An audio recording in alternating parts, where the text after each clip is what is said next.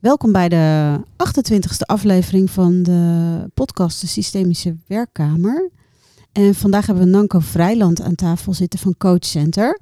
En ik heb Nanko gevraagd omdat ik Nanko ken van een, uh, van een opleiding en ik hem een hele fijne persoon vind. Dus welkom Nanko. Dankjewel. Ja, we hadden in het voorgesprek eigenlijk net al best een heel mooi gesprek met elkaar. Ja. En een van de dingen waarover we het hadden is, um, ja, wat is nou voor jou, Nanko, de kern waarvanuit je werkt? En waar ligt dan die link met dat stukje systemisch? Nou, daar, daar vertel ik graag wat over. um, nou, sowieso hoe ik werk is heel erg vanuit mezelf. En vanuit wat er bij mij op dit moment is. Ja. En als ik dan ook naar jullie uh, even heel open ben, is dan, dan merk ik dat mijn keel wat, wat samenknijpt. Dat mijn stem wat hoger wordt, dat mijn hart als een gek tekeer gaat. Mm -hmm. en dus ik zie hier uh, allerlei geluidsapparatuur. Ik zie grote microfoons. Ik heb zelf een microfoon. Ik heb een koptelefoon. Ja. Um, en dat doet meteen wat in mijn lijf. Ja. En dan vind ik het ook spannend. En, en als ik dan kijk, weet je, dat gaat helemaal niet zozeer over jullie twee of over de mensen die nou luisteren. Maar dan ben ik ook meteen weer even in mijn gezin van vroeger. Ja. Ja. En dan sta ik even naast mijn vader. Ja. En uh, als ik denk aan dat gezin, dan had ik een heel warm gezin. Mm -hmm. Uh, heel veel liefde. Ja, ik had mijn ouders, ik had mijn broertje, ik had mijn zusje. Heel veel liefde, maar ook, um, ook wel pijn. Dus Ja. vooral Ja. mijn vader, die had ook moeite met... Uh, ik ben geboren met een schietses, met een hazenlip. Ja. En uh, mijn vader vond dat heel moeilijk. Oké. Ja. Um, dus hij heeft me ook wel vaak veroordeeld over mijn stem. Ja. Hè, daar heb ik me niet welkom op gevoeld. En als ik dan nu een podcast met jullie doe, waar uh, alleen mijn Ja. stem hoorbaar is, dan, heb ik dat, dan kom ik dat ook weer even tegen. Ja. Ja. En ehm, dan ben ik even in mijn gezin van vroeger. Dus. En, en dan ben ik ook weer in het hele systeem. Want ik heb, weet je, ik ben ook wel boos geweest op mijn vader. Want ik dacht, godverdorie, weet je, ik, Mhm. ik heb dit gebrek eigenlijk. Had je er niet voor mij kunnen zijn. Ja. Ja. Had je mij geen grote welkom kunnen geven. Ja. En maar, maar laatst heb ik ook ontdekt dat zijn welkom in zijn gezin nog veel kleiner was. Dus ik heb me heel erg welkom gevoeld, maar met een klein deel heb ik me niet welkom gevoeld. Dat Ja. was gewoon te moeilijk voor hem om dat te, te omarmen. Ja.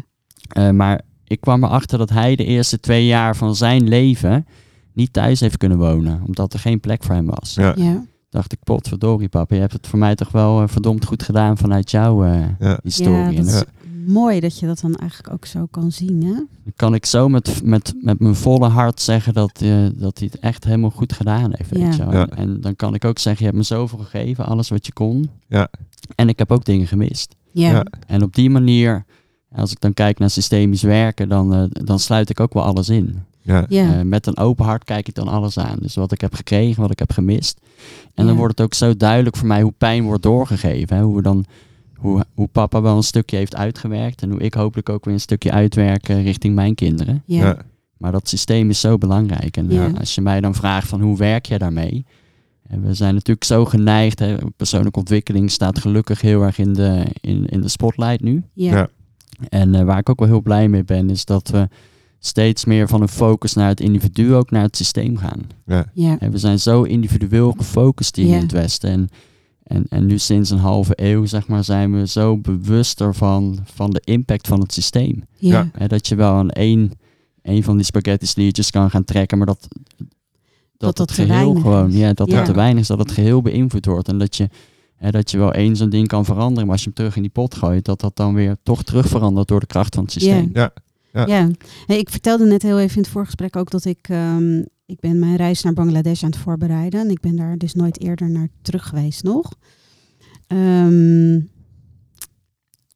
en in die voorbereiding eh, sprak ik gisteren iemand en die heeft veel ervaring met, eh, met Bangladesh. Zij is ook geadopteerd. Mhm. En ze vertelde ook dat ze samen met iemand ooit een zoektocht heeft gedaan. Eh, en dat ze in een klein dorpje kwamen en dat daar dan zeg maar super, super, super, super verre familie werd gevonden. Maar dat dat voor de mensen in Bangladesh dus heel normaal. En die zeggen, ja, je hebt je familie gevonden. Ja. Terwijl wij in Nederland zeggen, ja, eh, fourth, fifth cousin, dat is zo ver weg. Die Ja. kennen wij in Nederland gewoon helemaal niet. Maar daar leven ze dus nog in dorpjes met, met al hun familie bij elkaar. En familie is familie. Dus hun construct, hun gedachten over familie of hun, hun definitie van familie is dan weer zo anders. En dat Ja. sluit eigenlijk dan weer zo aan bij wat jij vertelt. Ja, daar kunnen wij denk ik zoveel van leren. Ja, Hè, van Ja. überhaupt dat familiegevoel en ook wel eh, van, voor elkaar zorgen. ja, ja. Hè, ook dat, maar ook veel dichter eh, bij huis. Al in Spanje bijvoorbeeld, of ook in Duitsland. Dat het al zoveel normaler is om je ouders ook gewoon in huis te houden. ja. Ja. En hier stoppen ze voor weg. elkaar. Hier Ja. stop je ze weg. Ja, ja. Dat is ook zo. Ja. Ja, dat is... eh, Ja, dat maar is ook voor een kind, als, als hij veel meer opgroeit met opa en oma, dan ben je eigenlijk ook al veel meer aligned in lijn met de familie. Ja. Want dan heb je al twee lagen boven je, Ja. Ja, van wie je veel meer meekrijgt. ja, Dus bij ons is dat veel dunner natuurlijk. ja. Ja. Ja, Het is, eh, dat is waar. Het is allemaal wat losser. Ja. En, Ja, en ik denk inderdaad ook, hè, als je kijkt, nou ja, weet je dan wel eens, of wat ik wel eens over Afrika hoor, de, die stam, hè, die families daarbinnen, dat je, eh, je, wordt, je wordt verzorgd door het collectief. Ja. En ik denk in Nederland, en eh, eh, als je hoort dat er steeds meer eenpersoonshuishoudens komen, bijvoorbeeld, dat, eh, ja, waar gaat dat heen? Wat, hè, worden we niet heel erg eenzaam?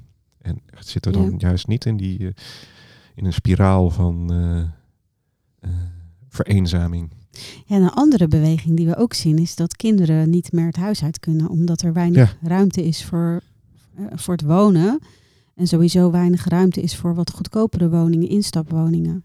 Hmm. Dus zou dat dan misschien op een bepaalde mooie manier beweging iets misschien. zijn waardoor we Ja, toch wat dichter bij elkaar blijven? Ja, Ja. Ja, nou, dat zou er wel het voordeel zijn in ieder geval, ja. Het is, is wel mooi omdat inderdaad, eh, het wordt maatschap- maatschappelijk als probleem gezien, maar misschien is het systemisch juist een hele Ja, zachte oplossing. ja, terwijl het systemisch gezien natuurlijk ook wel heel mooi is als kind om te vertrekken, uit huis te gaan, om vervolgens terug te keren. Ja. Op een andere manier. Dus niet Ja. terug te keren en weer Ja. eh, in huis bij je ouders gaan wonen, maar misschien wel terug te keren in de zin van, eh, nou, mijn ouders kunnen nu niet meer op zichzelf. Ja, En eh, ja, je bent welkom in mijn huis. Weet je? Dus dat, dat dat gewoon ook normaler wordt. Ja, Want ik maar denk het- als je nu je oude moeder in je huis hebt, denk je, wat zijn die aan het doen? Terwijl een- paar landen verder is dat heel gebruikelijk. Is dat en dat denk ik veel natuurlijker. Ja. En qua kinderen die nu niet het huis uit kunnen, het is denk ik wel belangrijk dat je die autonomie kan blijven houden. Dat je wel de keuze hebt en dat je niet gevangen voelt. Want dat, daar wordt de sfeer er ook niet beter op. Nee. Nee. Nee, Dat dat er wel ruimte is om uit te vliegen. Ja. Ja. Hè, maar ik denk in, dat er op zoveel vlakken in ieder geval duidelijk wordt nu dat, eh, dat het systeem zoals ze dat nu eh, gewoon zijn, dat dat niet meer, weet je, dat kan gewoon niet meer. Het is eigenlijk niet meer houdbaar, hè? Nee, dus we klappen er gewoon uit. En dat is wel weer goed dat we echt, eh, en vaak moet het gewoon nog meer pijn gaan doen, willen we echt gaan veranderen. Ja, Ja. En ik denk dat we daar wel eh, zo langzamerhand, langzamerhand in zitten. ja. Maar dat goed, is ook weer goed. Ja, Ja. Als je dan kijkt, de, eh, de groep thuislozen, die groeit. Hè? Mensen die op straat eh, moeten leven. Past dat daar dan weer in? Hè? Eh, is dat, waar is dat dan een symptoom van? Ja, is die aan het groeien? Ik, Ja. ik weet het niet. Ik heb Ja. er nog niks over is gehoord. toevallig eh, dat eh, de groei ten opzichte van, jaar, van vorig jaar is geloof ik 20, 25 procent. Oh, dat is behoorlijk. In Ja. Nederland dan ook, bedoel In je? Nederland alleen. Dus dan zijn er mensen die hun huis niet meer kunnen betalen Ja. en dus dakloos worden. Ja. Ja, En dat is een groei van 20 procent. In een jaar. Ja. En vooral jongeren, en, en dat wordt dan toegeschreven, hè, want dan heb je het als, eh, over huis, uit huis gaan.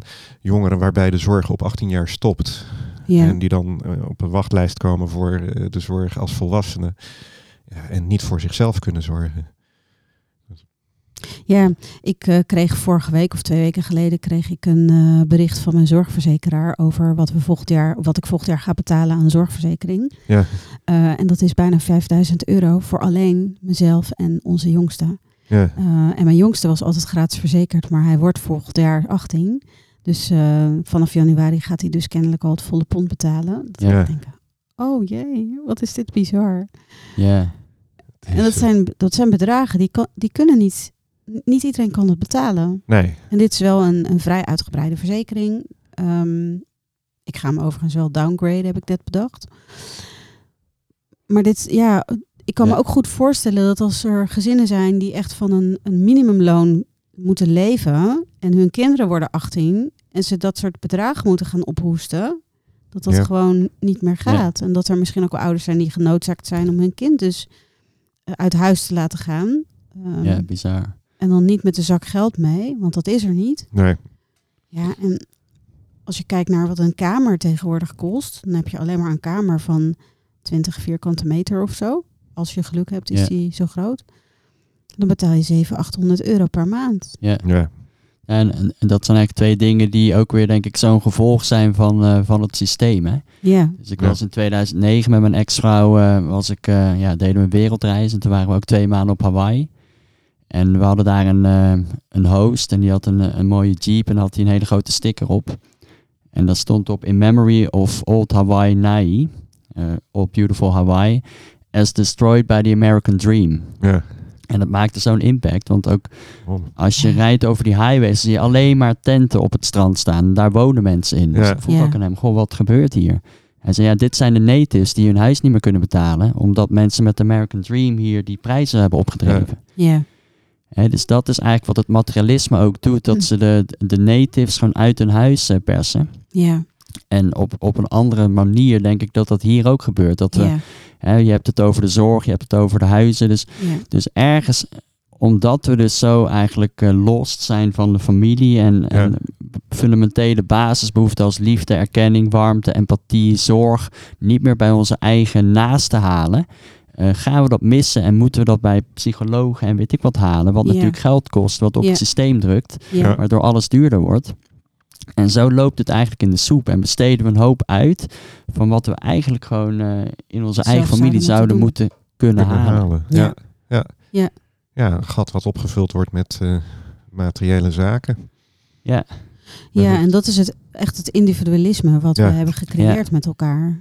Ja. Ja, de focus op productie, weet je. Het is echt Ja. van ik ren, eh, ik ren dus ik ben en ik, eh, weet je, Ja. ik ben wat waard. Dus vanuit het gebrek aan eigenwaarde ga je maar gewoon eh, Ja, hard rennen ja, eh, en, en veel produceren. Dan heb je nog het gevoel dat je veel bijdraagt. Maar weet je, ik geloof niet dat, eh, dat de wereld beter wordt als eh, de grote corporates nog meer geld verdienen of jij nog eh, meer uren maakt. Weet je, dat is helemaal niet wat de wereld van nu.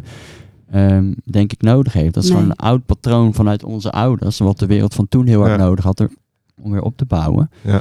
Maar ik denk echt dat, dat ontwikkeling zit in, in kijken wat is er nou nu nodig. En dat Ja. ze ook wel gewoon Ja. juist het lef hebben om misschien drie dagen per week te werken. ja, Nou ja, precies. wat je zag is natuurlijk dat zowel man als vrouw eigenlijk geacht worden fulltime te werken.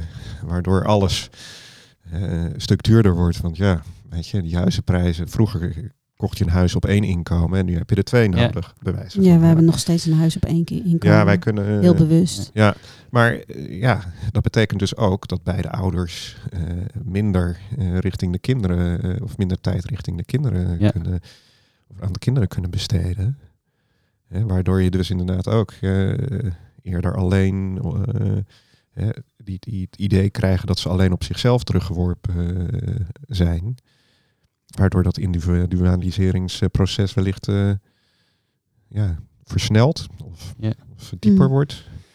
Ja, En ik denk inderdaad ook hoor, want ik, wij, wij hebben het er wel eens over gehad van eh off-grid leven. Hè? Dat je dus inderdaad met een groep gewoon, je, je, je regelt een stuk land en je zet er een, eh, een, een huis op of, of iets dergelijks. Of je knapt het huis op wat erop staat en eh, het, je gaat met z'n allen aan de slag.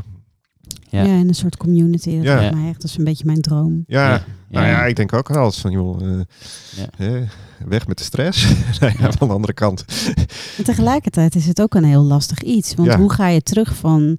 Hè, we, eh, wij wonen gewoon in een heel simpel basic rijtjeshuis. Ja. Ehm, maar wel op onszelf. Dus we zijn wel met z'n vieren nog. De kinderen wonen nog thuis. eh, zolang als ze er zijn in ieder geval. hè, want die kunnen elk moment uit huis qua leeftijd. Ehm, maar hoe, hoe, hoe ga je dat dan doen? Dat je als gezin al een ander gezin vindt... Ja. waarvan je het gevoel hebt van... hé, hey, we kunnen samen. Ja. Dat is helemaal zo makkelijk niet. Nee. Dus ik heb wel heel sterk dat verlangen naar samen. En het verlangen naar het samen doen. En, en gebruik maken van elkaars ehm, kwaliteit of talenten. Of elkaars... Ja. Wat, wat, hè, ik bedoel, ik hou heel erg van... eh, voor dieren zorgen bijvoorbeeld of zo. Ehm, zou ik eigenlijk nog wel wat meer moeten doen als ik naar onze kat kijk. Maar goed. nou ja, goed. Ieder heeft zo zijn ding. Dus zo bedoel ik het eigenlijk te zeggen. En ja, eh, ik geloof niet dat als ik een boerderij zou kopen en wij zouden er met z'n vieren gaan wonen, dat het mij zou lukken om helemaal zelfvoorzienend te raken. Want ik heb gewoon niet alle talenten daarvoor in huis. Nee, en het is natuurlijk... En eh, ook niet de tijd. Weet je, het is ook makkelijk dat, dit te bedenken van op je, van, vanaf de bank. Maar eh, hoe goed kennen we de natuur nog? Hè? Hoe goed weten we welke gewassen waar kunnen groeien? En eh, Ja. eh, welke, welke cycli we te- terugzien in de natuur. En, Nou ja, dan zou ik mijn vader heel graag in huis willen nemen. Mm. Want die weet dat echt allemaal. Ja, Ja. nou ja, En- het is wel kennis die aan het uitsterven is. Zeker. Ja, Ja. realiseer ik me ook vaak. Ja. Hey, en dan hebben we gelijk de link naar de natuur. Want daar vertelde je in ons voorgesprek ook over Nanko. Ja, ja. Vertel eens, hoe, hoe is dat voor jou? Hoe kijk jij daarnaar? Nou ja, waar jullie het net ook over hebben, ik geloof wel dat, ehm, dat er een algemene beweging is om weer meer terug naar de natuur te gaan. ja, Hè, dus als je kijkt naar onze maatschappij in het Westen, dan hebben we op allerlei manieren wel geleerd om de natuur te overstijgen. Hè, als je niet zwanger wordt, dan, eh, dan kan je behandelingen nemen. Als je Ja. eh, doodgaat, dan kan je het leven rekken. Als je aardbeien wil eten, in, in welk seizoen dan ook, dan, eh, dan pak je gewoon een bak bij de Albert Heijn. Dus Ja. we hebben op heel veel manieren hebben we gewoon geleerd om in onze behoeften te voorzien. Of in ieder geval dat denken we. Ja, Eh, en daarbij de natuurlijke ritmes los te laten. En wat ik, wat ik heel hoopgevend vind om te zien, is dat we op allerlei manieren weer terug eh, aan het gaan zijn naar de natuur. ja, je ziet eh, overal de boeddha's, je ziet het shamanisme, je ziet mensen die op allerlei manieren aan de slag eh, zijn met rituelen. Eh, weet je, de natuur wordt gewoon echt belangrijker. En dat vind ik heel fijn. ja, Tegelijkertijd heb je ook met het systeem te maken. Hè? Dus wat jullie net zeggen, nou die hele beweging van, van in een community ergens eh, in de bossen wonen, dat is natuurlijk heel erg mooi. Ehm, aan de andere kant, weet je, als we dat met z'n allen gaan doen, daar is helemaal geen plek voor. nee. Nee. En je zou kunnen zeggen, de meeste mensen wonen al in een tiny house. Het is alleen niet in de bossen, maar op vijf hoog in de Belmer. ja, Ja, precies. Hè, dus ergens is het ook wel een luxe, ja, ehm, het is ook een luxe probleem. een luxe om dat te doen. Ja, En tegelijkertijd heb je wel de mensen nodig die die beweging in gaan zetten om denk ik het collectieve bewustzijn te verruimen. dat denk ik ook. Ja. Ehm, dus je hebt Die- echt met het systeem stappen- te maken. Dus je komt Ja. dan eigenlijk gewoon in de early adapters. Ja. En dat zijn heel vaak mensen die het zich kunnen veroorloven om los van het systeem te komen.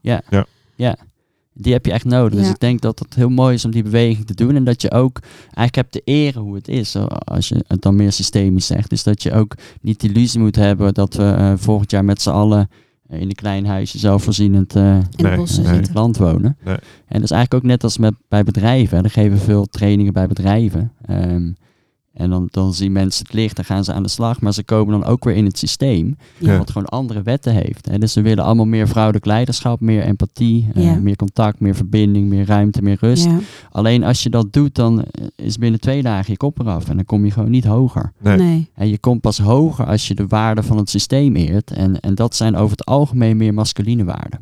Ja. Ja. Maar goed, Nog er zijn steeds steeds meer mensen die dat doen. En er zijn ook steeds meer mensen die her en der aan de top komen met, met die andere waarden. En dan kan het echt gaan veranderen. Want ja. als het vanuit de top gebeurt, dan verandert dat hele systeem. En die hoop heb ik ook wel op, eh, op meer collectief niveau qua Ja. Teruggaan naar de natuur. Ja. Ja. Ehm, ja, dat is wel mooi te ontdekken. Dat, eh, Wat kunnen wij leren van de natuur? ja, alles. Ik denk sowieso, weet je, als je zegt wat kunnen wij leren van natuur, dan lijkt het al bijna alsof wij geen natuur zijn. Ja. Ik denk dat, is- het Ik denk dat dat belangrijkste heel is, vaak ook zo is. ik denk dat het belangrijkste is dat wij beseffen dat we puur natuur zijn. Exact. En dat we dat besef een beetje verloren Ook met zijn. alles wat Ja. we Dat doen. we hè? uit die eh, dualiteit of die polariteit eh, stappen. Ja. Nou, dat Ja. we uit de illusie komen dat wij losstaan van de natuur. Weet je, wij Ja. zijn ook supergevoelig voor dag en nacht, voor eb en Ja. vloed, voor Ja. eh, zomer of winter. En dat zijn we helemaal kwijt. Ja, En dus- alleen al hè, dat, dat je, het is mistig buiten en we kwamen hier binnen van, oh ja, lekker op de bank zitten, een beetje cocoonen. En dat je denkt inderdaad van, ja, najaar is het jaargetijde om tot rust te komen. Ja. En naar eh, binnen te ja. gaan. En naar binnen te Ja. gaan. Hè? Er zijn beesten die houden win winterslaap. Ja, Ja. Die Ja. zijn de hele winter... eh, Ja. hè, dus eh, Nou, en ik denk het belangrijkste, weet je, ook als je kijkt vanuit het systemisch eh, werkveld. eh, een kind gaat dragen, weet je, die gaat zich groter ja, voordoen dan die is om het plek Ja. in het systeem op te vullen. ja, En vanuit daar maakt iedereen zich op, een, op de een of andere manier groter dan die is. En ik denk dat we nog steeds in die illusie leven, dat we Ja. ergens inderdaad groter zijn dan de natuur. Ja. En als, je, als ik één ding zou, zou noemen, dan denk ik dat we hebben te leren dat we gewoon heel nietig en heel klein zijn. En Ja. Dat klinkt Ja. wat abstract. Maar wat ik daarmee bedoel is dat de echt grote events in mijn leven, daar heb ik helemaal niks over te vertellen Nee. gehad. nee, Echt helemaal eens. niks. Ja. En daar heb je gewoon te volgen en te buigen. Ja. En daarbinnen wel te kijken, wat kan ik wel doen? ja, precies. Ehm, En hoe ga je ermee om? Dat, dat is ook zo'n zo'n stuk waar we Ja. ja, wel naar te kijken hebben. Ja. En dat is eigenlijk wat, wat alles in de natuur doet. Hè. Als je de natuur dan eh, eh, bekijkt in de zin van, van dieren, van planten, weet je, die volgen hoe het is. En binnen die regelruimte maken ze er het beste van om te overleven en te leven. Maar wij zijn continu aan het manipuleren. Ja, Ja. Wij zijn continu aan het kijken, hey, dit was mijn plan. En als de wereld anders, wereld anders gaat, dan ga ik eh, het forceren om alsnog mijn plan. Eh, maar dan ben je helemaal lost, weet je. En dan ga je eigenlijk op kracht Ja. de wereld eh, eh, benaderen. En, en daar kom je ver mee. Maar, op een gegeven moment maak je dingen kapot. En heb je Ja. toch meer naar die souplesse te gaan. Ja. En de contact te hebben met de wereld. En vanuit daar eventueel wat kracht in te zetten. ja, Zou je kunnen stellen dat we eigenlijk continu aan het wegrennen zijn voor onszelf? ja. dat vind ik wel mooi. Ja. Het geforceerd, het, het, Ja. een Ja. soort utopie proberen te maken. En Ja. Dat is, en dat, wellicht zit al het eh, geluk zoeken, hè? eh, het, het geluk, gelukkig zijn als hoogste streven daar ook in natuurlijk. Ja. Gelukkig Ja, want als we vinden Ja. dat we gelukkig moeten zijn, vinden we dus ook dat er iets anders niet goed is Ja. op dit moment. Ja. Je gaat dan heel, ja, je gaat bij jezelf weg, want je legt het ergens anders neer, hè, vaak. Wat je ziet, de Ja. beweging is van, ja, overheid, zorg voor mij. Ja. Ja. En, en of, terwijl eigenlijk misschien de overheid juist zou moeten zeggen, wij bieden ruimte, zodat jij zelf voor jezelf kan zorgen. Ja. Maar doen ze het ook niet natuurlijk. Nee. nee, dus eigenlijk gaan ze mee in de verstrikking, in Ja. het patroon. Ja. Ja. Maar kom daar maar eens uit met zo'n collectief eh, systeem.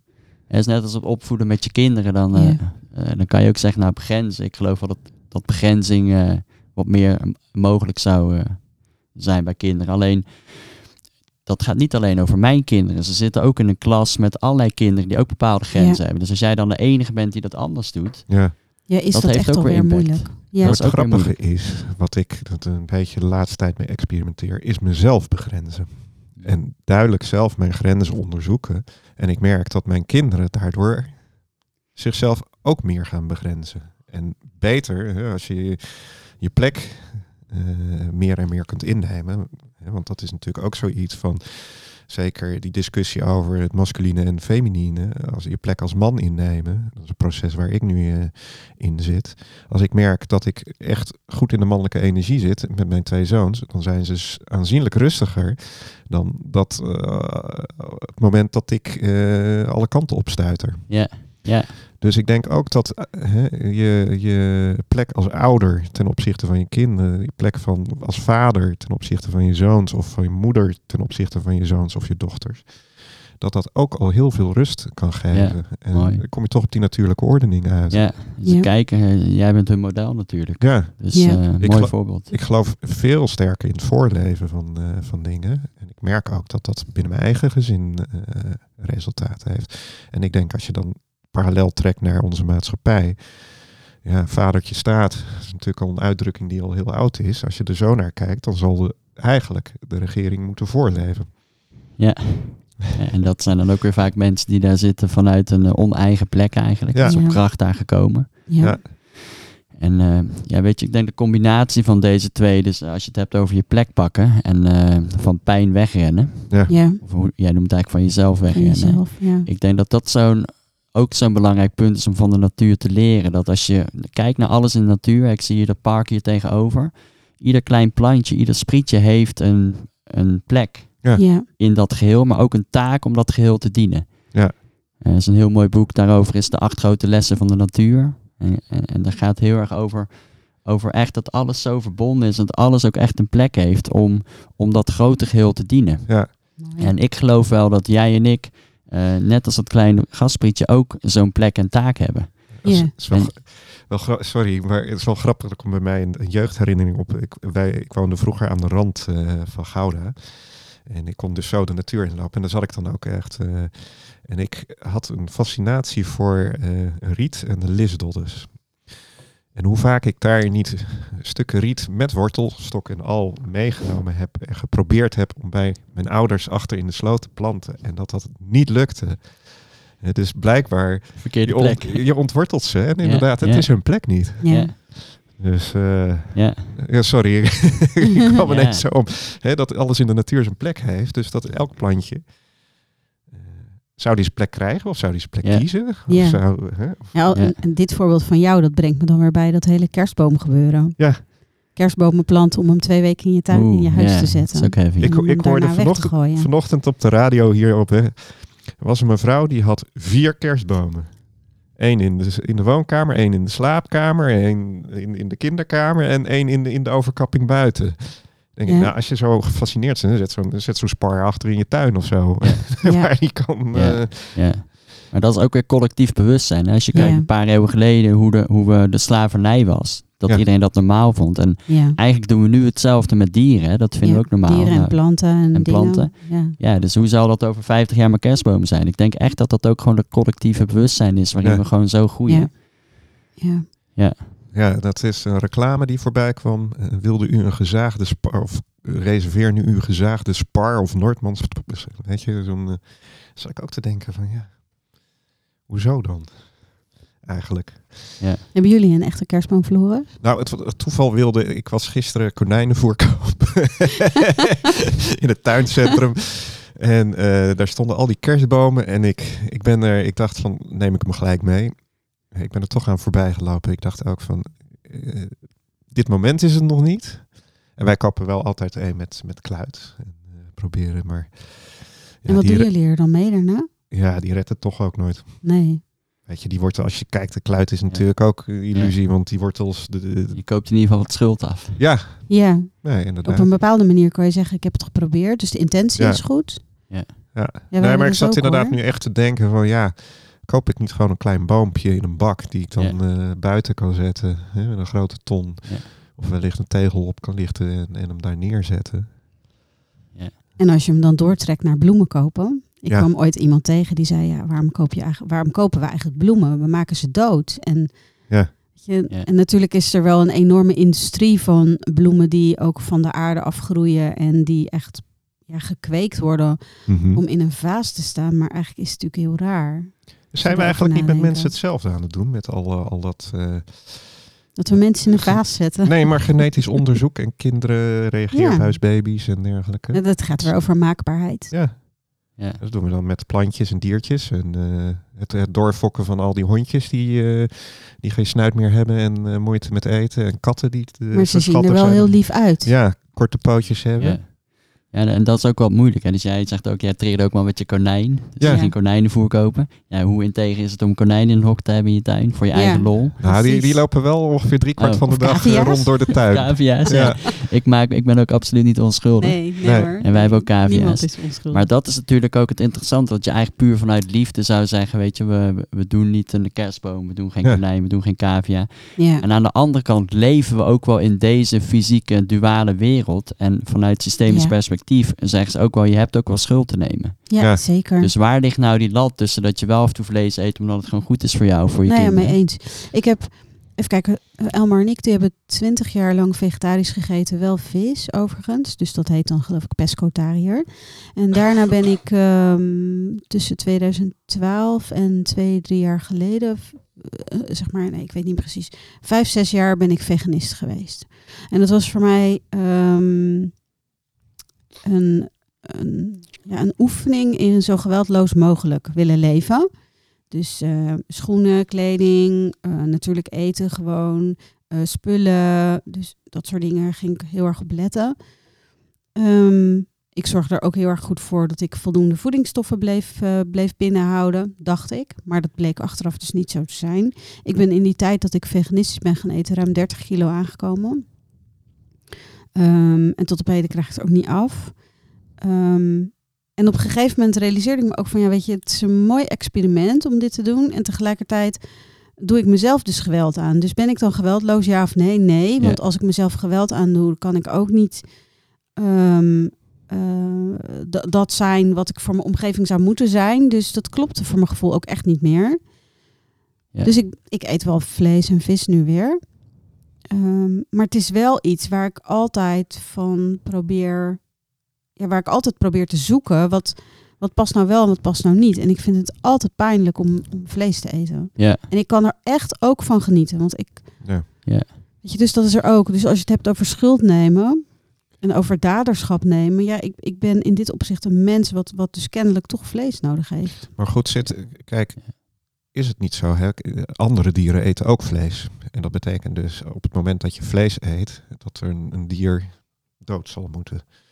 Is het niet de wees, eh, meer de wijze waarop wij ons vlees produceren? Dat sowieso. Dat, dat daar. eh, kijk, ik probeer wat je zegt. Ik probeer toch ook wel meer en meer ook dankbaar te zijn. Hè? Dat je toch even kijkt naar het bordje wat je voor je eh, op schoot hebt. Van, eh, dat je het niet eh, gedachteloos naar binnen zit te happen. En eh, vervolgens denkt, ja, oh, nog een bordje, nog een bordje. En, eh, Ja. Maar dat je echt bewust bent van wat er op je bord ligt. Ja.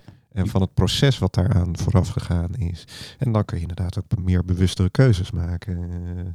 Ja, ik denk dat, eh, dat ik die mening deel dat dat ook het belangrijkste is. Weet je, Ja. dat je het bewust doet. Dus ik- ook als ik Ja. naar mezelf kijk, twintig jaar geleden, ik ging sowieso vlees eten en dan ging ik kijken wat ik daar nog bij nam. Ja. En nu ben ik veel bewuster en kijk ik, soms heb ik echt wel zin in wat vlees als ik uit eten ben, maar dan is het een hele bewuste keuze. En dan, Ja. dan Ja. realiseer ik me ook, ja, hier is ook wel een diertje voor dood gegaan.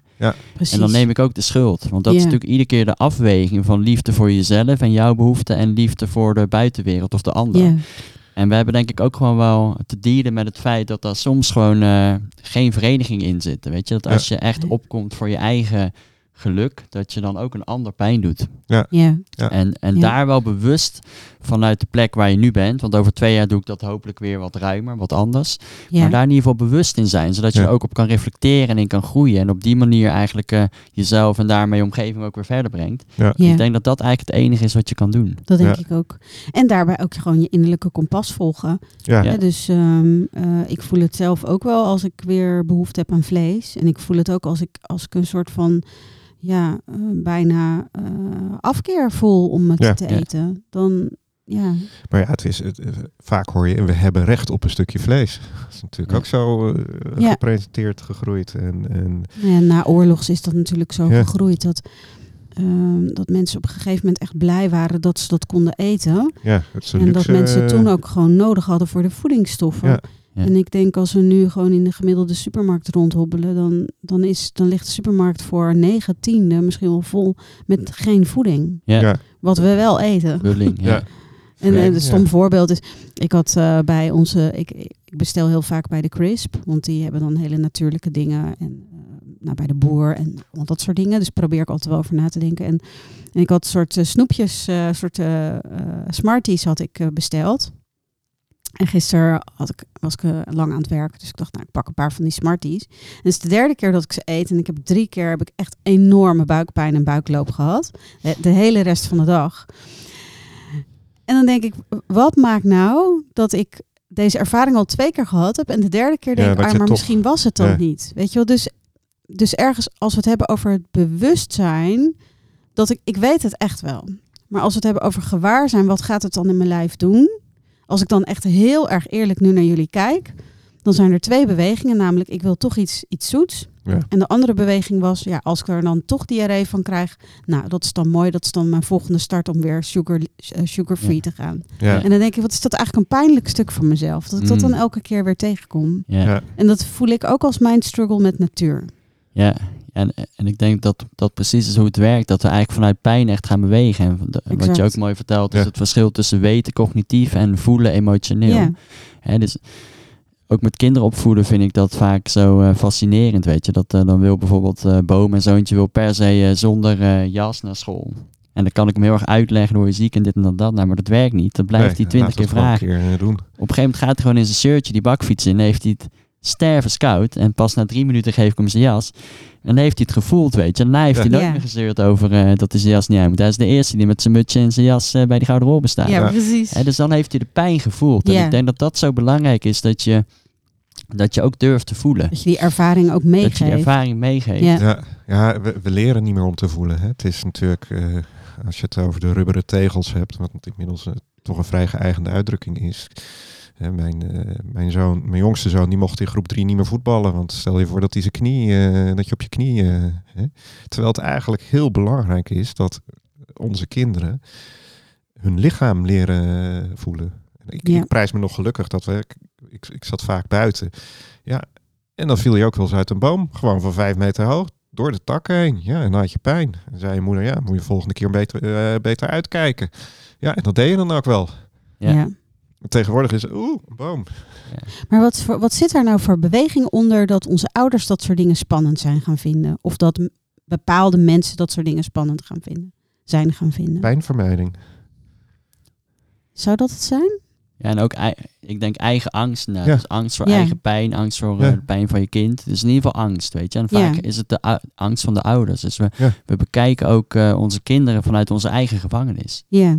En hoe meer je die En gevangenis... waar is, dit dan, waar is dit dan ontstaan, die beweging? Ja, want we, we, we zien het nu als een collectief, hè, want dat we met z'n allen eh, in alle speeltuinen heb je nu rubberen tegels. Ja. Ehm, maar in mijn tijd toen ik klein was, was dat er volgens mij heel af en toe, maar niet heel veel. Ik ben ook een keer kaart op mijn snuit gegaan op het schoolplein. eh, Al mijn tanden uit mijn mond, bij wijze van spreken. Nou, dat nog net niet, maar wel echt... eh, ja, dat ik dacht, ja, en was dat erg? Nee, ja. Eh, op dat moment was het niet Ja, zo leuk, het, maar eh, het deed wel zeer. Dan ging je met de juf, eh, als het echt fout ging, de lagere school, ging de juf mee even naar de dokter toe of zo. En, Oh ja, nee, was bij ons niet eens zo. Ik zat met echt met bloed, bloed uit mijn mond, zat ik daar en ik moest gewoon wachten tot kwart over drie en dan mocht ik naar huis. En mijn Ja. moeder die, zei later, eh, ik had het toch wel erg prettig gevonden als je even had gebeld.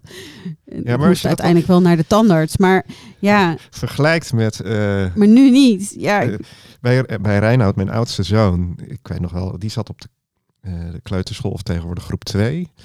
En toen kwamen we een keer ophalen. Toen zei eh, de leerkracht van ja, we hadden jullie bijna gebeld. En wat was er nou gebeurd? Mijn zoon is nogal impulsief.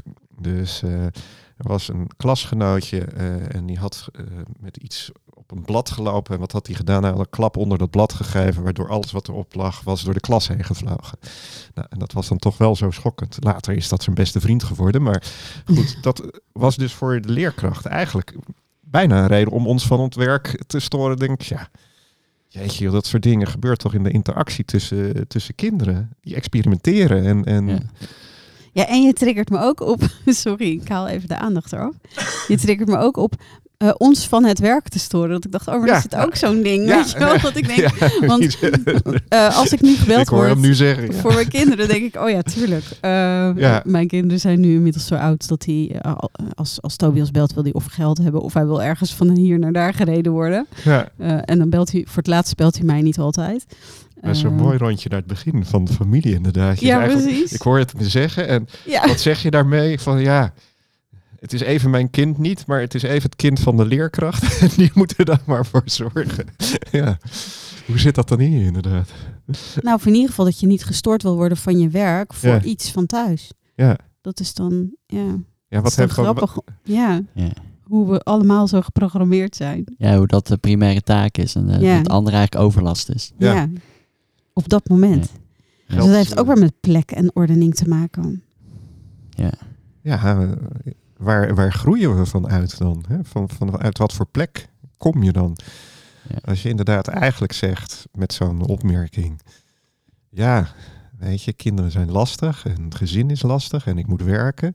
Zit je dan in een collectieve plek? Hè? Dat je er inderdaad voor geld verdient? Ik, ik zeg hem even zwart-wit hoor, Ja. maar Ja. het is... Nou, in ieder geval ben je dan in de rol van een werkende mens. Ja, En ehm, eh, op dat moment ben je dus kennelijk even iets minder ouder.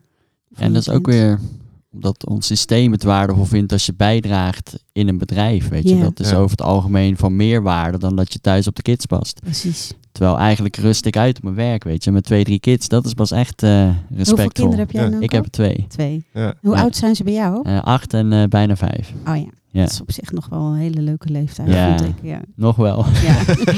nee, Ja. heel leuk. nee. Het was wel mooi. Gisteren hadden we een gesprek met eh, de mentor van Reinoud. En die vroeg, vind je het leuk? Nee.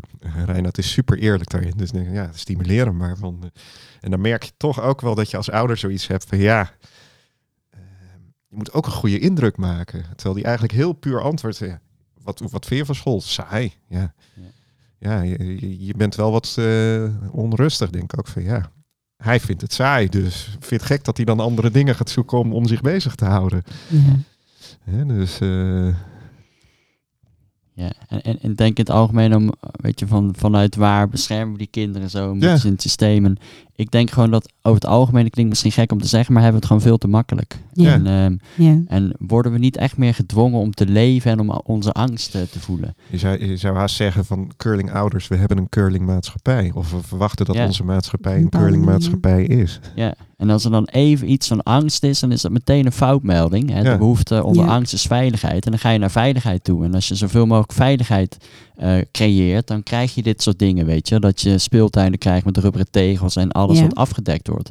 Alleen daar los je niks mee op, omdat die angst, die zit natuurlijk veel dieper. ja. Dit is gewoon Het gaat hier echt over existentiële angst. Ja, En dat we daar als maatschappij zo ver van wegbewogen zijn. In Ja. alle mogelijke opzichten. ja, Hè, want je moet 40 uur werken, want dan kan je de dingen betalen. ja. En Ja. eh, we moeten ons eten in de supermarkt kopen. Maar dat klopt niet meer, hè? Dat klopt niet meer. we gewoon. kunnen we Nee. eten niet meer in de volle grond zaaien. Want stel je voor wat daar allemaal in de volle grond zit.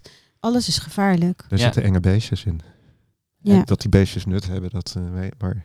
Nee, dus dat, weet je, totdat we dat, dat gaan aankijken, zal dat steeds verder gaan. En, Ja. eh, en, Maar- vroeger, weet je wel, toen we nog op de savanne rondrenden met z'n allen, toen was het veel normaler om gewoon dagelijks je angst eh, te voelen, weet je. Ja. Dat, dat moest je wel. Dus dan had je een veel gezonder contact met onze angst. En dan heb je natuurlijk het verschil tussen reële en irreële angst. En we hebben nu heel veel irreële angst. Ja. Ja, Dus ik denk er bijna alleen maar. niet is. Ja. Ja. Angst voor verantwoordelijkheid. En we zijn Ja. zo losgeraakt van onze angst, dat als we ook maar een beetje angst voelen, dan, eh, dan raken we in paniek. Dan mag het er niet zijn. Nee. Nee. En daardoor wordt die wereld steeds kleiner. En, Ja. eh, Maar er is ook angst hè, om het fout te doen. Of angst dat, dat je niet meer in het, in, in het systeem past. Dat is natuurlijk ook wel een existentiële. Hè, als je vroeger op de savanne buiten de groep werd geplaatst, ja, Ja. dan, was ook dan was je binnen een kortste keren ja. gegrepen door een. eh, door een, hoe heet het? eh, Sabeltandtijger of zo. Vertrapt door maar even een dier te noemen. gelukkig al een tijdje geleden dat de laatste is gesignaleerd. Ja, maar precies. zo voelt het niet. Ja. Ja, ik vind het ze ook wel grappig. want tegen. Ik vraag me ook wel eens af, hoe snel gaat de evolutie nou? Is dat echt een kwestie van 10.000 jaren of evolueren we ook gewoon in één, twee generaties? Dat is natuurlijk ook, is, is daar, ja, Ja, wat is de definitie van evolutie? dat is ook een, eh, daar begint het mee. Op een bepaalde manier is, is het niet iedere een construct? seconde. Ja. Nou, kijk, we hadden het net over Margriet Wentink en eh, zij vertelde over haar echtgenote. Die is nog als baby geopereerd zonder eh, verdoving. Dus ze geloofde toen dat baby niks, baby's niks voelden. Ja. Ja. Nou, dat was halverwege vorige eeuw, weet je, Ja. 70 jaar geleden. Ja, Dus in die zin denk ik wel dat we hard evolueren. Niet dat we Ja. in één keer drie armen of eh Nee, vinnen nee, maar hebben. goed. nee. Maar wel dat we echt, eh, echt doorkrijgen dat baby's ook gewoon voelen. En dat dieren Ja. ook voelen. En misschien planten zelfs ook wel. Ja. ja. Dus in die zin gaat het denk ik ook wel best wel onbewust. Maar ook wel Ja. harder als je echt kijkt naar dit soort dingen. Harder dan we denken. En dat is ook waar we hoopvol. Nou ja, als we weer even terug naar de natuur. Eh, het staat inmiddels vast dat bomen een hartslag hebben en ook communiceren met elkaar. Zeker. Ondanks het feit dat ze gewoon hun leven lang op één plek staan. En ze hebben een heel groot zelfs. netwerk onder de grond Ja. met Ja. elkaar. Ja. Dus ze praten ook met elkaar. Ja, Ja, en, en dat voorbeeld wat jij noemt, Nanko. ehm, toen ik eh, denk vijf of zes was, had ik een ontstekingje in mijn, een van mijn melkkiezen. En ze waren ervan overtuigd dat het ook zonder eh, verdoving getrokken kon worden. Want eh, ja, dat voel je niet. Melkkiezen voel je niet. Nou, ik heb daar echt geschreeuwd. En ik, ik geloof ook dat ik die man in zijn, in zijn handen heb gebeten. Ja. En eh, toen werd ik uitgescholden voor eh, trut. En ik heb een klap gekregen. En ik moest vervolgens stil liggen in een stoel. En is die kies eruit gehaald. zo. Ja, het is echt. Nou ja, ik ga natuurlijk nooit meer met een goed gevoel naar een tandarts. Maar Nee. bizar hè, dat onbegrip. Dus juist als ik het koppel aan daarnet dat we alles doen om eigenlijk niet onze angst te voelen. De angst voor pijn door rubberen tegels en van Ja. alles. Daardoor begrijpen we de ander ook niet meer die wel pijn heeft. Omdat we daar geen contact mee hebben. Nee. Waarmee we steeds verder wegdrijven. En juist door wel die pijn toe te laten, ga je ook weer elkaar begrijpen. Heb je ook veel minder het zorgsysteem nodig, denk ik, wat we nu Ja. hebben. Ja. Door je eigen pijn aan te gaan, dus niet meer van jezelf weg te rennen, kan je er ook weer veel meer zijn voor de ander. Ja. Heb je het dan over fysieke pijn, en geestelijke pijn? samen? alles. Alle Van pijn. Alle pijn gewoon. Ik begon bijvoorbeeld met mijn schietses, dat, ehm, hè, daar, daar ben ik mee geboren. Dat, dat, dat, daar had ik dan ook een operatie voor nodig eh, toen ik drie maanden oud was. En ik was eh, vorige maand met mijn moeder uit eten en ik vroeg haar, goh, hoe ging dat eigenlijk bij mijn geboorte? En hoe vaak ben ik geopereerd en wanneer? En toen vertelde zij dus dat dat na drie maanden was en dat ze me eh, op een gegeven moment na twee dagen kwam ophalen. En, en, en wat er was gebeurd is dat mijn hele armpjes waren in het gips, gips en mijn tong was aan mijn wang eh, gehecht, omdat ik dus niet Ja. ehm, het mocht aanraken. En daar heb ik dan gewoon twee dagen in gezeten. Jezus. En zij vertelde dat gewoon op een manier. Ja, en ik eh, kwam je ophalen en je was wel heel vrolijk hoor. En daarin kon ik zo voelen dat ze mij totaal niet kon begrijpen. Ja.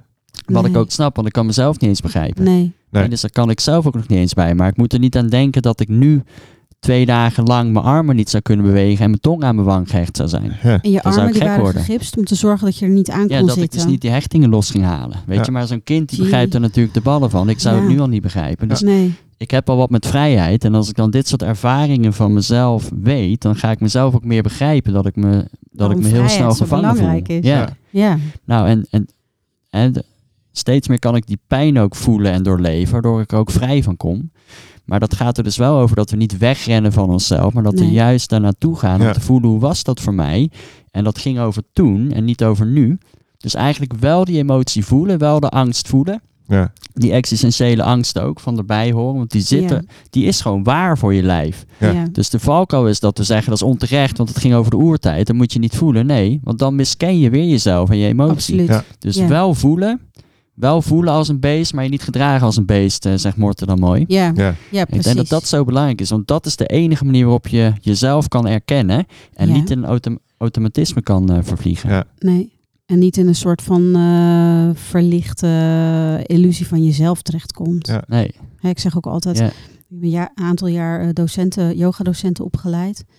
En ik ben er onder andere ook mee gestopt, omdat ik merkte van hè, iedereen die op een matje gaat zitten, denkt dan dat hij verlicht is. Ja. Als je dan ook maar een kwartier kan zitten en, eh, en je lijf niet meer voelt. Terwijl volgens mij gaat het daar niet over dat je je lijf niet meer voelt. Het gaat juist om de kwaliteit van het wel voelen. Ja. Ja. Wat er wel gebeurt, wat zich afspeelt in je lijf. Het ongemak wat je voelt. En ja, en zo zie je hoe dat ego eigenlijk in alles ook weer eh, via de achterdeur naar binnen komt als je Ja. bewust blijft. ja, Eh, Ja. Dat is zo belangrijk, bij jou en mij ook, en jou ook natuurlijk. Ja, dat, is zo belangrijk om dat ook weer in te brengen. ja, Dat dat gebeurt en dat je wel een waarnemer hebt die dat ziet gebeuren. zeker. Ja. Ja, en dat is juist weer heel mooi, om dat dus ergens ehm, te ervaren dat er iets, iets van bewustzijn, ook om, dat je dat ook even buiten jezelf kan plaatsen, om jezelf te observeren. Ja, Super mooi om daar op die manier naar te kijken. dan ben je al uit het automatisme. Ja. Ook weer plek, hè? Absoluut. Ik merk dat Ja. jouw verhaal over eh, jouw operatie mij heel erg raakt. Het is, eh, ik ben op mijn derde eh, bijna dood geweest. Misschien zelfs wel dood. Maar dan ook inderdaad eh, isolatie in het ziekenhuis. Hè. Dat is, eh, mijn eerste levendige herinneringen zijn niet van thuis of zo, maar zijn van het ziekenhuis. In mijn eentje. Dus ik... eh wou ik even delen. Ja, ik voel Ja. hem ook, ja. Ja. Ja, Zo, ja. Dus, eh, En, ja. en ook zo voelbaar hoe dat dan in je lijf eh, zit, hè? ja, ja, ja, Ja. En hoe fijn je dat, dat je dat deelt. Dus dan kan ik ook helemaal met je mee eh, voelen. Ja. ja. dat is inderdaad... eh dus uh, dankjewel. Ja, nou jij ook bedankt voor het delen, Ja. weet je. Dat is ook echt contact. Daarin Ja. inderdaad. Ja. ja, dat is mooi. En ook bizar hoe dan ook weer verhalen verhalen roepen. Hè? Wat je dan Ja. eh, helemaal van, vanochtend niet bedacht had, dat dat zou Ja. gebeuren. En dan in één keer wordt dat zichtbaar. Ja, Nou ja, en het fijne dat dat inderdaad naar buiten.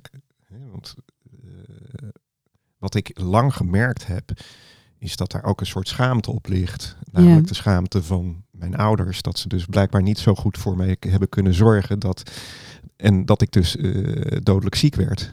ja. Hè, Dus dat. Mm, dat, ja. dat eh, dus Ging het ook over hun, hè? ja, Wat had je, Floris? Ik had paratyfus. Ik Oh ja. was helemaal uitgedroogd en helemaal leeggelopen aan alle kanten. Ja. Dus ik was. eh, en uit de overleveringen heb ik meegekregen dat je dan dus als kind eh, helemaal vastgebonden op, op de brancard met uh, gillende sirenes wordt Zo. weggevoerd. Nou ja. Dus dan heb je je eigen paniek. Je wordt bij je ouders weggehaald. Je je was ouder- drie jaar, hè? Ja. Ja, bizar. Ja, tweeënhalf, Zo. drie jaar. Ik denk dat Ja. mijn zusje nog niet geboren was. Wat verdorie. Ja, en dan. eh, en wat voor mij nog zo aangrijpend is, is dat mijn eerste. eh, of, of- of zwaar voelt. Dat mijn eerste herinneringen dus eenzaamheid in een ziekenhuis zijn. Mm. Ja, Hè, Dus ik zie er nog steeds een dus als jongetje. kind alleen in het en dan in een glazen Ja. aquarium met matglas. Met een bovenrand waar je dan naar de andere kamer. eh, hè, dat, dat je dus met je Mhm. huurkindertjes op een kast kunt klimmen en dan toch contact kunt maken. Maar je zit eigenlijk gevangen. Hè? Ja. Dus, Ja. dus eh, Merk je dat nu ook nog als je in een ziekenhuis komt bijvoorbeeld, dat je lijf meteen denkt van... eh, nou, dat valt wel mee. Maar ik denk wel inderdaad dat... ehm, dat die voor mij, wat, wat, ik, wat ik merk, is in, in, eh, in het contact maken met mensen. Dat, dat, eh, dat die daar ook wel zit. Hm. Dus, eh, En wat voel je dan in je lijf? nou ja, een soort, soort mag ik er wel zijn. Ja. En, en fysiek in je, in je bewegingen? Terug, terug. De kooi in. Ja. Ja. Dat je, Ja, ja, bijzonder. En wat je ook beschrijft, Ja. dat die heftige traumatische ervaring, dat dat ook weer een soort van bestaansrecht doet wankelen. Mag ik Ja. hier wel zijn? Ja. Dat is ook zo'n kenmerk van trauma, dat je je altijd zo alleen voelt. ja, En juist daarom is dat contact waar we ook over begonnen met familie, met een, een soort van bedding, gemeenschap, is, dat, is zo belangrijk dat je wel degelijk kan zien dat ook met alles waar jij je voor schaamt, dat Ja. je welkom bent. Ja. Ja. Dat je niet alleen bent, dat ook al is gebeurt dit. ook, eh, En dat je de schaamte van je ouders daar niet in hoeft te dragen. nee, dat is inderdaad ook. En dat je dat dan wel eh, natuurlijk voor een deel ook logischerwijs in je hebt. Ja. Dat is niet Dus, gek eh, dat dat gebeurt. Dus, eh, nou ja, dat doet me ook een beetje denken. Misschien heb ik daar ook wel iets mee met. Als je kijkt naar jeugdzorg, hè, of in ieder geval eh, kinderbescherming, dat, eh, dat is ook een systeem eh, waar kinderen gewoon, ja, hoe slecht dat de ouders ook doen, het zijn wel de ouders. En ik denk dat, je, dat we daar eh, daarin ook eh, alle partijen in moeten respecteren en een plek moeten blijven geven. Ja, en als je het dan over dat systeem hebt, heb je ook nog het systeem van adoptie. Ja, Hoe merkwaardig is het om kinderen van een andere werelddeel, zeg maar, naar hier te halen. En ze uit alles van hun eigen systeem weg te rukken. Ja, Hè, Ik ben natuurlijk als, nou vermoedelijk ergens tussen zeven maanden en een jaar oud, denk ik dat ik was. Ehm, in mijn eentje in een vliegtuig gezet. En nog eerder wat ervoor is gebeurd, is dat ik dus bij mijn ouders weggehaald ben. ja, En voor een kind is het altijd weggehaald zijn. Ja. Dus of mijn ouders dat nou wel of niet zelf hebben, hebben eh, toegestaan, dat, dat is voor mij als kind is dat natuurlijk helemaal niet van toepassing geweest. Hè, je dus het wordt van je traumatische stuk ja, van, van, mijn, van mijn gezin van herkomst, eh, eventuele broers en zussen die daar ook nog mogelijk zouden geweest kunnen zijn. Eh, je geboortegrond, je geboortedorp, een cultuur, een werelddeel, een geschiedenis, een collectieve geschiedenis, echt alles. Alle voorouders die er zijn geweest, alles Ja. is, is gewoon weg. het is een, En, de, en dat we nu, vandaag de dag, in Nederland nog steeds het besluit nemen, oh, inter, interlandelijke adoptie, zoals dat dan genoemd wordt, gaat gewoon door. Want het is zo goed voor het kind. Nee, het gaat niet over wat goed is voor het kind. Het gaat om de pijn van het kinderloosheid zijn, eh, Ja. van de kinderloosheid hier, die, eh, die opgelast kan worden met, met, ehm, ja, met, met een gemakkelijke oplossing, namelijk een kind vandaar wat dan Ja. geen ouders heeft. Ja. Maar wat ze vergeten te zien is dat het kind wel degelijk ingebed is. ja. Ook als het uitgesloten is. Als je het hebt over gebrek aan bewustzijn, eh, ja. Is dat zo moet groot? je nog hele grote stappen te nemen. Ja. En, en het zijn denk ik ook beide voorbeelden van dat je niet je eigen pijn kan dragen, waardoor degene na je of naast je op zijn bordje krijgt. Hè? Met Ja. jouw ouders die zich schamen, dus dan zijn ze niet ruim genoeg om er voor jou te zijn. Ja. Ja. En ook met di- dit adoptieverhaal, waarbij je je eigen pijn van kinderloosheid niet neemt door het, eh, door het te gaan fixen met, eh, Ja. Ja. met iets heel anders eigenlijk. En ik vind het op zich, eh, de pijn van kinderloosheid. Ik denk dat als ik over mijn ad- adoptieouders spreek, die hebben hun pijn op een bepaalde manier heus wel genomen. En ook wel veel verdriet over gehad. En dat, dat is allemaal helemaal oké. Ehm, op een bepaalde manier zijn er mensen die ervoor kiezen om dit vanuit een idealisme te doen. ehm, die zijn hier ook niet vrij van. Nee. Want daar zit dan weer een, een gedachte achter dat je het wel. Daar zit ook die fixende gedachte. Ik ga, het wel, ik ga het wel goed maken voor een ander. En ergens zit er dan ook nog in. eh, wat fijn dat ik dat kan betekenen voor de ander. Terwijl je dat niet zelf kan bepalen dat je dat kan betekenen voor de ander. Nee. Ja. Dus het is, het is zo'n complex gebeuren eigenlijk. Ja, en dat Ehm. is misschien inderdaad toch ook weer dat die, die maakbaarheid en dat wij als, als mens, wellicht mensheid, toch wel heel makkelijk over dingen denken. Ja, en daar ook ehm, grote besluiten in nemen. Ja.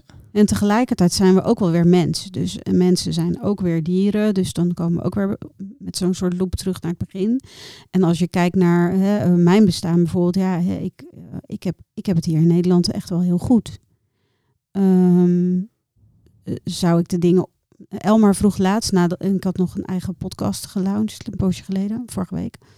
En, mijn man Elmar die vroeg me laatst, zou je er, als je ervoor zou kunnen kiezen, zou je dan opnieuw jouw adoptieouders kiezen? Dus dat raakte me wel heel erg, want Ja. toen dacht ik, ja, opnieuw ehm, heb ik ze wel gekozen. Weet je, want eh, en tegelijkertijd vanuit een bepaalde wetenschap dat we, hè, eh, dat we ook geworpen zijn en, en we treffen ons lot aan. Hè? Dat is wat Wiebe altijd zo mooi zegt. We treffen aan, eh, wat we aantreffen is, is mijn adoptie is ook iets wat ik gewoon heb aangetroffen. Want ik heb Ja. er als kind gewoon helemaal niets over te zeggen gehad. Over eh, waar ik wel en niet heen verscheept werd, zoals ik dat dan vaak noem. Dus, dus ja, zou ik er opnieuw voor gekozen hebben? Ik zou ja zeggen tegen opnieuw dit leven. ja, Ja. ja. Ja, dit zijn zulke moeilijke dingen. En ik denk dat dat ook wel de, ergens ook wel de schaduwkant is van alle mogelijkheden die we nu hebben. Dat dat ook om een bepaalde verantwoordelijkheid vraagt die we vaak nog helemaal niet aankunnen. Nee, Ja. precies. En er is zoveel mogelijk. Dus waar, waar doe je nou goed aan? Dus het is ook Ja. heel begrijpelijk als je, Ja. als je echt in hart en nieren een papa van mama voelt. En je Ja. denkt, zo'n arm meisje uit weet ik veel wat. Vanuit dat beeld, hè. Ja. Los van of dat nou terecht is of niet. Maar dat het echt vanuit een volledig goed, goed hart komt. Ja. Eh, en dat is natuurlijk het moeilijke. ja, en is dat dan fout? Nee, dat is ook niet fout. Nee. Dat is er gewoon. En ehm, ja, ik heb, ik heb echt een, een hele fijne jeugd gehad. Dus als ik het daarover heb, dat is gewoon helemaal oké. Eh, en, en ook niet, want er zijn ook heel veel dingen niet oké geweest. ja. En eh, heb ik me daarin begrepen gevoeld? Nee, want ik, ik begin nu de, de laatste jaren, de laatste tien jaar, begin ik pas te begrijpen wat een enorme impact mijn geschiedenis op mij heeft gehad. Hè, dus dat, dat ja, en, en ik zit ook best wel in een omgeving waarin dat niet altijd zo begrepen wordt, nee. omdat ze niet eenzelfde soort geschiedenis hebben meegemaakt. Ja. Ik denk dat dat een hele belangrijke is die je nu zegt. Van in hoeverre voel je je begrepen wat er ook gebeurd is. Ja, Weet je, is er ruimte voor jouw verhaal en jouw beleving? Dat dat al zoveel scheelt. Ja. Dat niemand je helemaal kan begrijpen. Maar ja. hoe meer je je begrepen voelt, hoe, hoe meer je er ook rust in kan vinden, denk ik. ja, dat is ook zo. Ja. Dat ervaar ik zeker zo. En begrip vind ik ook echt wel in, eh, in een groep mensen om me heen. Dus dat is ook Ja. heel super fijn om dat er ook te laten zijn. Woord nederigheid, waar jij eigenlijk al een beetje mee begon, komt Ja. op, op dit vlak. Hè? Ja. Als we, Ja, jij noemde nietigheid en wat zijn Ja. er nog meer? Ja. Ja, dat, ja, dat je eigenlijk niet zoveel te vertellen hebt. En Nee, eh, niets in te het brengen. grotere. Ja. ja, Ja. ja, ik vergelijk, ik, ik surf heel graag. En eh, weet je hoe ik, eh, eigenlijk mijn ego is veel eh overrulen, overrulen, domineren. ja. Eh, hard werken, boos worden, mijn slachtoffer voelen. Maar ja, toen ging ik surfen en toen lag ik in hoge golven. Nou, niks eh, daarvan hielp. nee. Dus Nee. ik echt moeten leren, oké, dit is de golf. En om te overleven eh, moet ik dat echt allemaal loslaten. En ik moet Ja. kijken, wat gebeurt er hier en waar ligt mijn invloed? Ja. En ik denk net als met coronagolf, die proberen ook allemaal hard tegen te houden. Dat heeft natuurlijk helemaal geen zin. Nee. Nee. Die golf is er toch wel, of je hem nou tegenhoudt of niet. En je kan beter gewoon eh, met die golf meegaan. In plaats Ja. van Ja. keihard vooruit peddelen of... eh, ja. Gewoon meegaan op die golf, die is er. En wat kan je nou op die golf doen? Net als een surfer. Ja. Ja. Ja, het is echt, echt surfen zonder. Ik zat even te denken aan windsurfen. Ik heb Ook. vroeger heel veel gezeild en ik kreeg zo'n beeld voor me van eh, de zeillesjes in de optimistjes, waar ook kindertjes heel hard krijzend recht tegen de wind in proberen te. maar je wordt echt gedwongen om je aan te passen Ja. in, in dat soort. Zo eh. En dan zijn we weer terug bij de natuur. nou, Ja.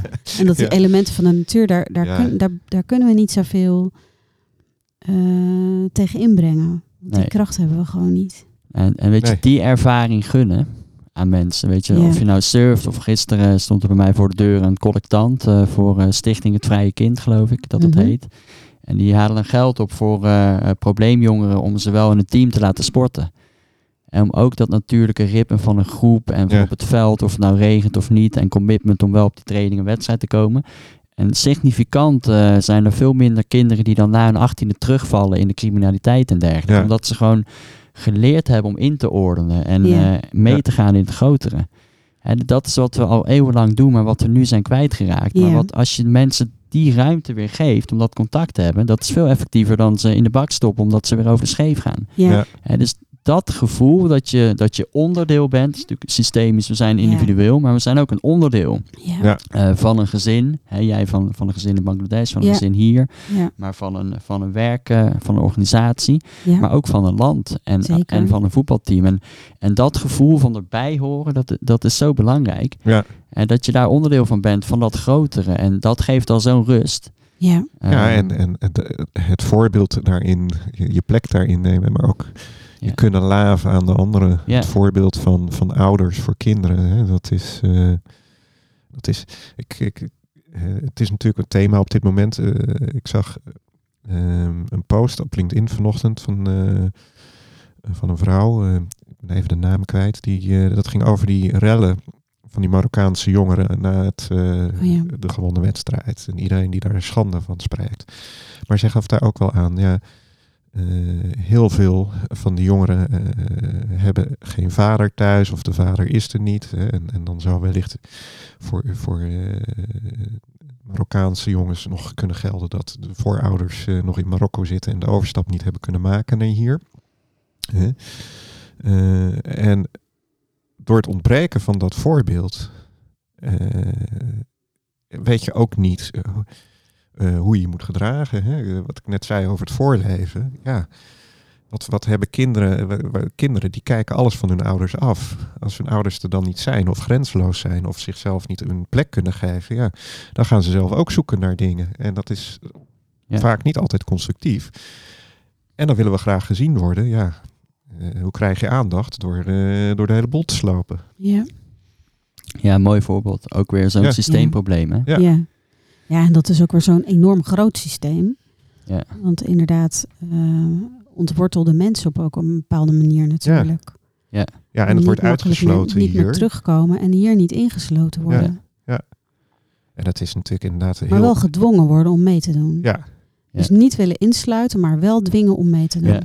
Dus dat is de ergste veroordeling die je kan doen Ja. naar, naar een beroeps- of naar een bevolkingsgroep of Ja. naar een, gro- een groep überhaupt. Ja, het zit, zit hier ook niet op adoptie. Hè? Als je kijkt naar de geschiedenis van... We hebben dat eh, halverwege jaren 60, begin jaren 70... hebben we arbeidstekort hier en dan halen we mensen uit, uit eh, andere landen. En dan zeggen we van, joh, jullie krijgen het hier goed... want je gaat een mooi salaris verdienen, maar verder mag je niks. Je zit hier ten behoeve van ons, onze behoeften. Wij hebben een behoefte aan arbeidskrachten. Kijk even naar jou. Zie jij daar een parallel of vind je dat... eh, Eh, nou ja, de, de, de, parallel die is, eh, mensen worden naar binnen gehaald om, iets, om een probleem hier op te lossen. ja. En, en krijgen daar niet alle rechten en, en plichten, die, of misschien wel de plichten, maar niet de rechten, Nee. die, die, die, daaraan, die, die erbij horen. Ja. En in adoptie vind ik het wel een, een andere, hè, want ehm, ehm, als geadopteerde heb ik eigenlijk altijd ervaren, dan ben ik toch Nederlands. Ja. En ik, ehm, iedereen die mij kent, die, ik, ik noemde dat vroeger wel eens de adoptiekaart uitspelen. En dan kwam ik in een nieuwe groep met een opleiding of een training of op school of wat dan ook. En met name eigenlijk van volwassen leeftijd is dat wel. Dat er toch altijd wel gekeken wordt. Mensen zien als eerste mijn kleur. Ja. En die horen me vervolgens gewoon eh, Nederlands spreken. Dus dan komen de opmerkingen van, oh je spreekt wel heel goed Nederlands, hoe kan dat? Dat, dat is zo'n opmerking. Of, hé, hey, je spreekt helemaal accentloos. Dat ik denk, ja, eh, accentlozer dan jij, denk ik dan nog wel Ja, eens. ja. Ehm, eh, of, of mensen die toch een beetje eh, de kat uit de boom kijken. En eh, als ik dan de adoptiekaart uitspeel en zeg ik ben geadopteerd, oh, dan ben je gewoon net zoals wij. Dat is heel vaak een reactie die ik krijg. dat? En dan is er onmiddellijk een soort ontspanning bij de ander. En denk ik, ja, ehm, als ik nou had gezegd, ik eh, ben met mijn hele familie vanuit Bangladesh naar Nederland gekomen. eh, en wij wonen met onze hele Bengaalse familie eh, ergens in Rotterdam of zo. Zou, zou dat dan anders geweest zijn? Ik, ik weet het natuurlijk niet, want dat Ik verhaal vertel wel. ik nooit. Ik Maar ik denk het wel. Ja, Ja. Ik, denk, ik denk dat er echt... eh, Dus Ik en ik vind adoptie vind ik daarin ook een beetje een vorm van verkniptheid. Ja. Ehm, want ik zeg wel bruin van buiten, wit van binnen. Er was vroeger ook een boekje, volgens mij voor kinderen geschreven. Ook, ook iets van ehm, bruin van buiten, wit van binnen. Maar dat, daar moet ik altijd aan denken. En dat is ook zo, want ik heb alle normen en waarden van, van mijn Nederlandse adoptiegezin meegekregen. Ja. En Ja. dat zijn mijn, mijn eerste impulsen als ik naar een ander kijk. Dus ik heb echt op een gegeven moment kwam ik erachter dat ehm, als ik andere donkere mensen zie, dan wil ik er liever niet mee verbinden, want dat ben ik niet. Oftewel, hoe kijk ik dus naar andere donkere mensen? Ja. En ik heb dat echt de laatste jaren, de laatste tien jaar pas geleerd. En nu kan ik ook naar de voetbal kijken en denk ik, wat zijn dat mooie mannen. Al die Ja. donkere lijven. Maar ik heb mezelf dus echt gewoon, nou misschien wel 40 jaar lang dat ontzegd. Hmm. En niet om naar donkere mooie mannen te kijken, maar, maar ontzegd om, om te kijken naar donkere mensen met, met de ogen van mijn eigen. Ja. van mijn eigen kleur.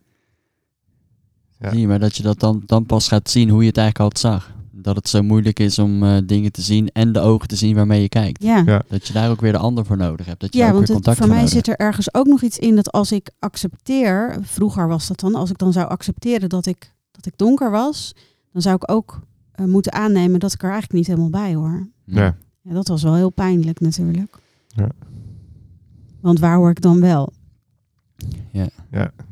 Dat is En ik denk dat dat wel, ehm, zeg maar, dat hele goede assimileren van geadopteerden,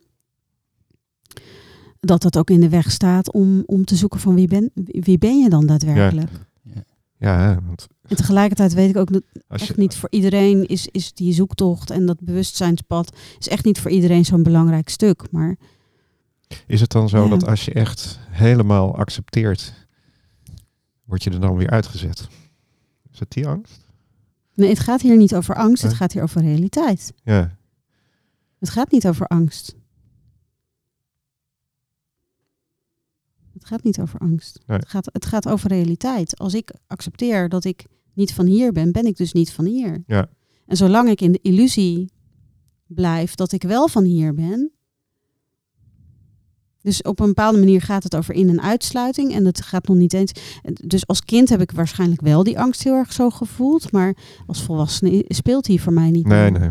Ja, en onderliggend is natuurlijk je behoefte om ergens bij te horen. Ja, Ja, Ja, dat hoor ik ook in jouw verhaal, in mijn verhaal. Ja. Dat we ergens zijn we, precies zoals wij zijn, mogen we erbij horen. exact. ja, Dat, Ja. we, dat we echt een plek willen in het Zeker. systeem. Dat is iedere keer waar we op terugkomen. Ja, Ja. zeker. Mag ik precies zoals ik ben hier mijn plekje nemen? Ben ik Zeker. dan nog... eh, pakken.